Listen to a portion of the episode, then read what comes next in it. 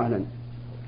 هذه رسالة وصلتنا من أختكم في الله المستمعة سين سين نون من الرياض. تقول فضيلة الشيخ ما حكم الشرع في نظركم في رجل يكنز الأموال الطائلة ويبخل على زوجته ويبخل على زوجته وأولاده حتى في الطعام واللباس بحجة أنه فقير لا يملك شيئا وهم يصدقون تلك الدعاوى الكاذبة وعلاوة على ذلك فهم لا يسلمون من بطشه ولسانه لعل لكم توجيه ونصح في هذا مأجوري.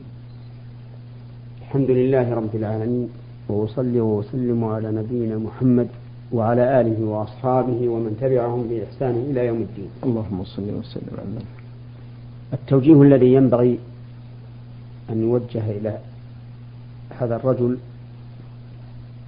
إذا صح ما قيل عنه. هو أن يتقي الله عز وجل في نفسه وفي أهله ويقوم بما أوجب الله عليه من النفقة على زوجته وعلى أولاده. فإن الإنفاق على الزوجة والأولاد من الواجبات. قال الله عز وجل وعلى المولود له رزقهن وكسوتهن بالمعروف. وقال النبي صلى الله عليه وسلم ولهن عليكم رزقهن وكسوتهن بالمعروف. ولا يحل له أن يبخل بما يجب عليه من ذلك. وهو إذا بخل, إذا بخل به كان سفيها من الناحية الشرعية ومن الناحية العقلية. أما من الناحية الشرعية فإنه سفيه لأنه ظلم نفسه بترك ما أوجب الله عليه. وكل من ترك ما أوجب الله عليه فقد ظلم نفسه. فإن النفس أمانة عند الإنسان. يجب عليه أن يرعاها حق رعايتها. بفعل ما يقربه إلى الله عز وجل وترك ما يبعده من الله. وأما كونه سفيها من الناحية العقلية فلأن هذا المال الذي يدخره سوف يرجع إلى هؤلاء الذين بخل عليهم في حياته لأن المال سيورث بعد صاحبه. فيكون في هذه الحال وبالا عليه ومآله لهؤلاء الذين بخل عليهم به في حال في الحياة الدنيا. وهذا سفه. وليعلم أنه لن ينفق نفقة يبتغي بها وجه الله إلا أثابه الله عليها حتى ما يجعله في فم امرأته كما صح بذلك الحديث عن النبي صلى الله عليه وسلم. وليعلم كذلك أنه لا ينفق نفقة وليعلم كذلك أنه لا ينفق نفقة لله عز وجل على أهله وعلى أولاده إلا أخلفها الله عليه كما قال الله تعالى وما أنفقتم من شيء فهو يخلفه وهو خير الرازقين. وإذا علم هذا العلم وآمن به سهل عليه أن ينفق على زوجته وأولاده. أما بالنسبة للزوجة والأولاد فلا فلهم إذا قدروا على شيء من ماله أن يأخذوا بقدر النفقة لهم بالمعروف. وإن لم يعلم به لأن النبي صلى الله عليه وسلم أذن لهند بنت عتبة أن تأخذ من مال زوجها ما يكفيها وولدها بالمعروف. حين ذكرت له أنه شحيح لا يعطيهم من النفقة ما يكفيهم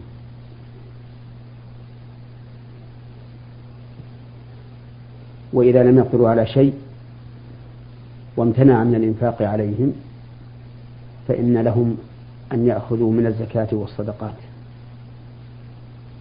لأنهم في هذه الحال فقراء معدمون. حتى وإن كان يمنعهم من أخذ الزكاة. لأن بعض الناس لا ينفق على أهله ولا يرضى أن يأخذوا من الزكاة. وهذا كما كما هو معلوم خطأ. لكن بالنسبة لهم إذا كانوا في حاجة وممن يستحقون الزكاة بأحد الأوصاف التي هي سبب الاستحقاق فإنهم يأخذون وإن كره من ينفق عليهم إذا كان ممتنعا مما يجب. نعم. بارك الله فيكم. هذه مستمعة من الكويت أرسلت برسالة طويلة الحقيقة ضمنتها مجموعة من الأسئلة العديدة. لعلنا نستعرض بعضا منها في حلقة هذا الأسبوع وبقية الأسئلة في حلقة قادمة إن شاء الله. تقول فضيلة الشيخ الذي أعرفه أن العمرة ليس لها هدي ولكن في عمرة الحديبية ساق الرسول صلى الله عليه وسلم معه هديا وعندما أحصر ذبح الهدي. السؤال ما سبب سياق الهدي مع أنه كان ذاهبا للحمرة وليس للحج مع أنه كان ذاهبا للعمرة وليس للحج. الهدي نوعان هدي واجب وهذا لا وهذا لا يكون إلا في حق المتمتع أو القارئ لقول الله تعالى فمن تمتع بالعمرة إلى الحج فما استيسر من الهدي فمن لم يجد فصيام ثلاثة أيام بالحج وسبعة إذا رجعتم تلك عشرة كاملة. ذلك لمن لم يكن أهله حاضر المسجد الحرام.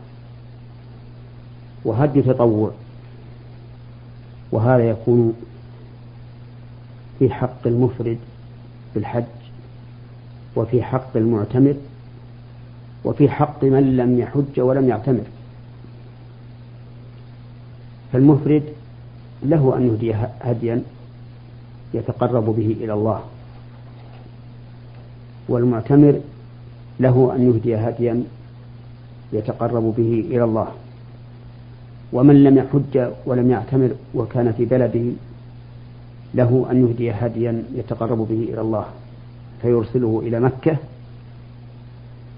كما فعل النبي صلى الله عليه وسلم حين أرسل هديا إلى مكة وهو مقيم في المدينة. وكما أهدى الهدي في عمرة الحديبية. فالهدي نفسه عبادة يتقرب به إلى الله. ولكن قد يكون واجبا وقد يكون مستحبا. فهو واجب على القارن والمتمتع وسنة في حق المفرد بالحج والمفرد بالعمرة ومن لم يعتمر ومن لم يحج ولم يعتمر وهناك هد واجب من نوع آخر وهو ما يكون بسبب الإتلاف. كالهدي الواجب في قتل الصيد. قال الله تبارك وتعالى يا أيها الذين آمنوا لا تقتلوا الصيد وأنتم حرم. ومن قتله منكم متعمدا فجزاء مثل ما قتل من النعم يحكم به ذوى عدل منكم هديا بالغ الكعبة. نعم. بارك الله فيكم. أيضا من أسئلتها هذا السؤال تقول هل أتم الرسول صلى الله عليه وسلم عمرته في الحديبية أم لم يتمها؟ وكم عمرة اعتمر الرسول صلى الله عليه وسلم وما هي؟ أي. عمرة الحديبية لم يكملها النبي صلى الله عليه وسلم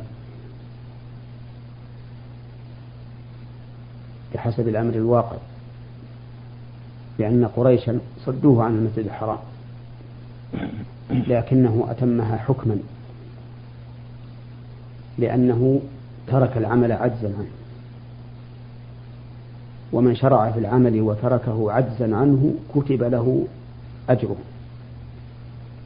قال الله تعالى ومن يخرج من بيته مهاجرا إلى الله ورسوله ثم يدركه الموت فقد وقع أجره على الله.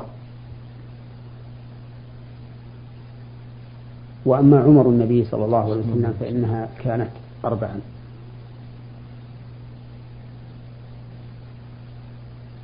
إحداها عمرة الحديبية والثانية عمرة القضاء التي قاضى عليها قريشا فإن من جملة الشروط التي وقعت بينهم في الصلح أن النبي صلى الله عليه وسلم يعتمر من العام القابل وقد فعل عليه الصلاة والسلام. اللهم والثالثة عمرة الجعرانة فعلها النبي صلى الله عليه وسلم حين رجع من غزوة حنين. والرابعة العمرة التي في حجته في حجة الوداع فإنه صلى الله عليه وسلم كان قارنا جامعا بين الحج والعمرة في إحرام واحد. فهذه أربع عمر اعتمرها النبي صلى الله عليه وسلم. وكلها كانت في أشهر الحج.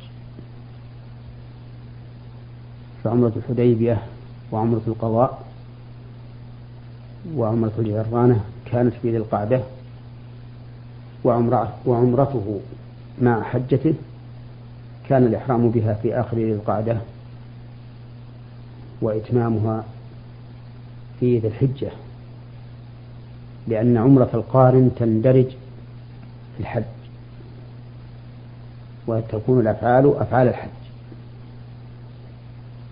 ولهذا كان القول الراجح أنه لا يلزم القارن طوافان وسعيان وإنما يكفيه طواف واحد وسعي واحد. فإن رسول الله صلى الله عليه وسلم لم يطف إلا طوافا واحدا ولم يسعى إلا سعيا واحدا. وأما طوافه حين قدم فهو طواف قدوم وطوافه عند خروجه طواف وداع. نعم. بارك الله فيكم. لعلكم تحدث المستمعين فضيلة الشيخ عن أفضل المناسك. أفضل المناسك التمتع. نعم. وهو أن يأتي الحاج بالعمرة أولا ويتحلل منها ثم يحرم بالحج في اليوم الثامن. ودليل ذلك أن النبي صلى الله عليه وسلم أمر أصحابه به. وقال لو استقبلت من أمري ما استدبرت ما سقت الهدي ولا أحللت معكم.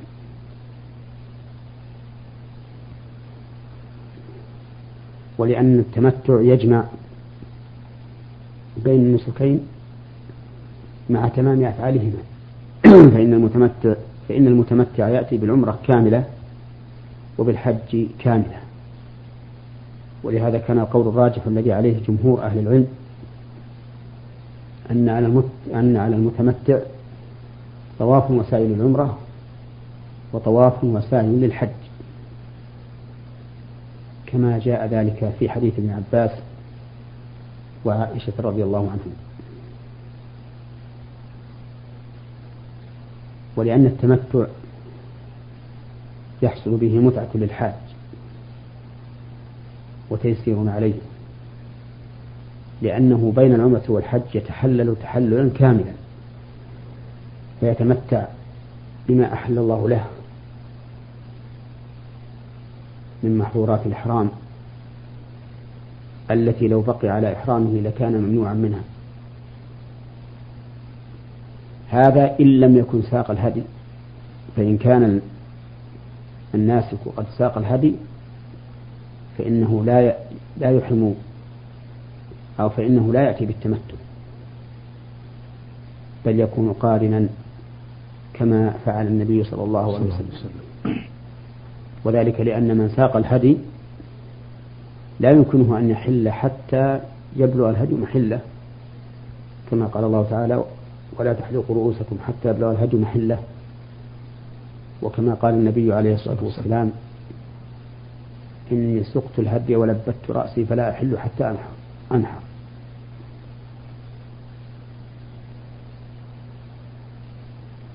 نعم. بارك الله فيكم.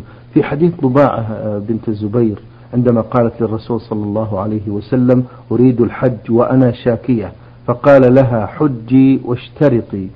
والمعنى أنها تقول إن حبسني حابس أي منعني مانع من إتمام النسك فإنني أحل وقت وجود ذلك المعنى. وإنما وإنما أرشدها النبي صلى الله عليه وسلم إلى الاشتراط لأنها كانت تخاف ألا تتم النسك من أجل المرض. فأرشدها النبي صلى الله عليه وسلم إلى أن تشترط وأما من لم يكن خائفا من إتمام النسك فإنه لا يشترط لأن النبي صلى الله عليه وسلم وأصحابه لم يكن لم يكونوا اشترطوا عند الإحرام هذا الشرط. ولهذا كان القول الراجح أن الاشتراط ليس بمستحب ولا مشروع إلا لمن كان خائفا من عدم إتمام نسكه وهذا القول هو القول الذي يجمع بين الأدلة. وأما من نفى الاشتراط مطلقا أو أثبت الاشتراط مطلقا فإنه لا بد أن يقع في مخالفة لبعض النصوص. يقول بعض الناس إننا في هذا الزمن خائفون بكل حال لكثرة حوادث السيارات. وجوابنا عن هذا أن حوادث السيارات بالنسبة لكثرتها ليس بشيء. فإن السيارات تكون بمئات الآلاف. وإذا حصل من مئات الآلاف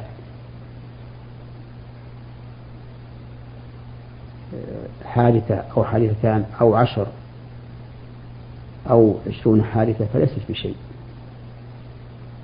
والحوادث كائنة حتى في عهد الرسول عليه الصلاة والسلام. اللهم صل وسلم عليه.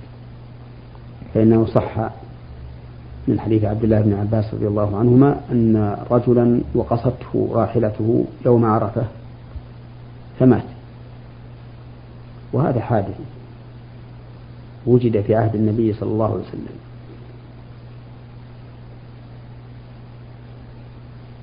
فالمهم أن الحوادث محتملة حتى في عهد الرسول صلى الله عليه وسلم ومع ذلك لم يرشد الأمة إلى الاشتراط إلا لمن كان خائفا. وقولي إن مئات الآلاف السيارات هذه وقعت سبق الإسلام. وإلا فلا أظن أنها تبلغ مئات الآلاف لكنها تبلغ عشرات نعم. الآلاف. نعم. بارك الله فيكم شيخ. آه في سؤال أخير للمستمعة خالدة. سين ميم آه فقرة أخيرة مكونة من شقين. تقول أريد أن أكون طالبة طالب أريد أن أكون آه طالبة علم ولكن سمعت أن آفة العلم النسيان. فمن فمن قائل هذه العبارة؟ وما هي الطريقة التي أتقي بها هذه الآفة؟ الشق الثاني ما الذي يعين على تقوية الحفظ وتثبيت العلم في القلب؟ لا أدري من قال هذه الكلمة آفة العلم النسيان ولكن الواقع يشهد بذلك. والنسيان ظهور القلب عما كان معلوما. وهو وارد على كل أحد. كل ينسى. حتى النبي صلى الله عليه وسلم قال إنما أنا بشر مثلكم أنسى كما تنسون فإذا نسيت فذكروني. ولكن الناس يختلفون. وسبب وأسباب تمكين الحفظ قد تكون غريزة بطبيعة الإنسان وقد تكون مكتسبة بعمل الإنسان. فأما الغريزة فلا حيلة للإنسان فيه بالحفظ وبقاء في قلوبهم وبقوا على ما هم عليه. لم ينسوا إلا قليلا. حتى إن بعضهم يقول ما حدثت بحديث فنسيته. نعم. ومن الناس من يكون سريع النسيان يحدث بالحديث في الصباح وينساه في المساء. ومن الناس من هو بين ذلك.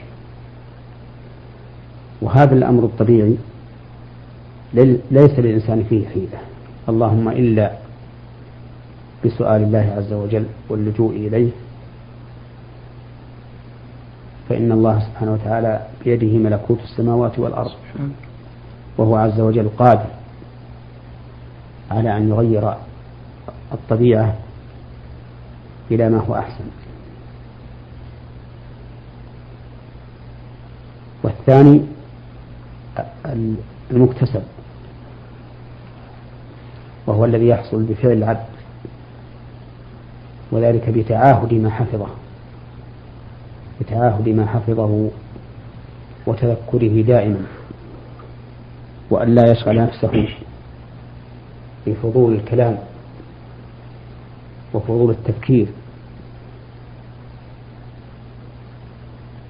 ولهذا أمر النبي صلى الله عليه وسلم بتعاهد القرآن فقال صلى الله عليه وسلم تعاهد القرآن فهو الذي نفسي بيده له أشد تفلتا من الإبل في عقولها. أو قال تفصيا من الإبل في عقولها. فهذا الدواء وهو التعاهد. وأن يكون الإنسان دائما يفكر بما حفظ. ومن دواء النسيان أيضا وهو مهم جدا التقوى والعمل الصالح. فإن الله تعالى يقول ويزيد الله الذين اهتدوا هدى. وإذا كان الله تعالى يزيده هدى فإن حفظ الهدى الذي معه من باب أولى. فكلما اهتدى الإنسان وعمل صالحا أبقى الله معلوماته في قلبه وزاده من فضله. فإذا أردت أن تبقى محفوظاتك فعليك بتقوى الله والعمل الصالح. كما تفيده هذه الآية الكريمة. ويزيد الله الذين اهتدوا هدى. والذين اهتدوا زادهم هدى وآتاهم تقواهم. ويشهدوا لهذا قوله تعالى فبما نقضهم ميثاقهم لعناهم وجعلنا قلوبهم قاسية.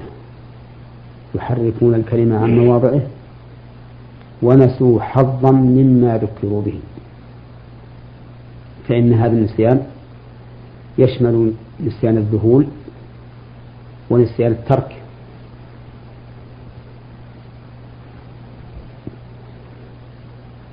فهذه من من من, من أسباب بقاء ما حفظه ما حفظه الإنسان. ومن الأسباب أيضا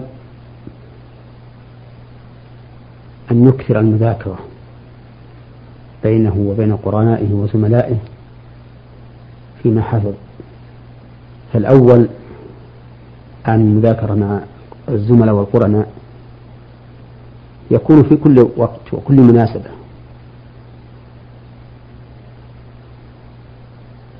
والمذاكرة كما تبقي المحفوظ فهي أيضا تشحذ الذهن وتقويه وتنميه كما هو معلوم بالتجارب. وأما الثاني وهو تطبيق المعلومات عمليا فإن هذا أيضا مما يثبت المعلومات ويبقيها. ولهذا قيل العلم يهتف بالعمل فإن أجاب وإلا ارتحل. وقيل قيدوا العلم بالعمل فإن الإنسان مثلا إذا علم ما يشرع في الوضوء وعمل به صار هذا العمل كالمذاكرة وصار هذا العمل تعاهدا منه لهذه المعلومات تعاهدا منه للمعلومات الثابتة في ذهنه وكذلك ما وكذلك ما يكون في الصلاة والزكاة والصيام والحج وغير ذلك من الأعمال التي علمها فإنه إذا طبق ذلك عمليا صار في هذا ترسيخ لمعلوماته. ما هو الشق الثاني؟ أه تقول في سؤالها الثاني ما الذي يعين على تقوية الحفظ وتثبيت العلم في القلب؟ وقد ذكرتم هذا. نعم. شكر الله لكم فضيلة الشيخ وبارك الله فيكم وفي علمكم ونفع بكم المسلمين. إخوتنا الأكارم انتهت حلقة هذا اليوم من برنامج نور على الدرب. وأجاب على أسئلتكم فيها فضيلة الشيخ محمد بن صالح بن عثيمين الأستاذ في كلية الشريعة وأصول الدين في القصيم وخطيب وإمام الجامع الكبير في مدينة عنيزة. شكر الله لفضيلته.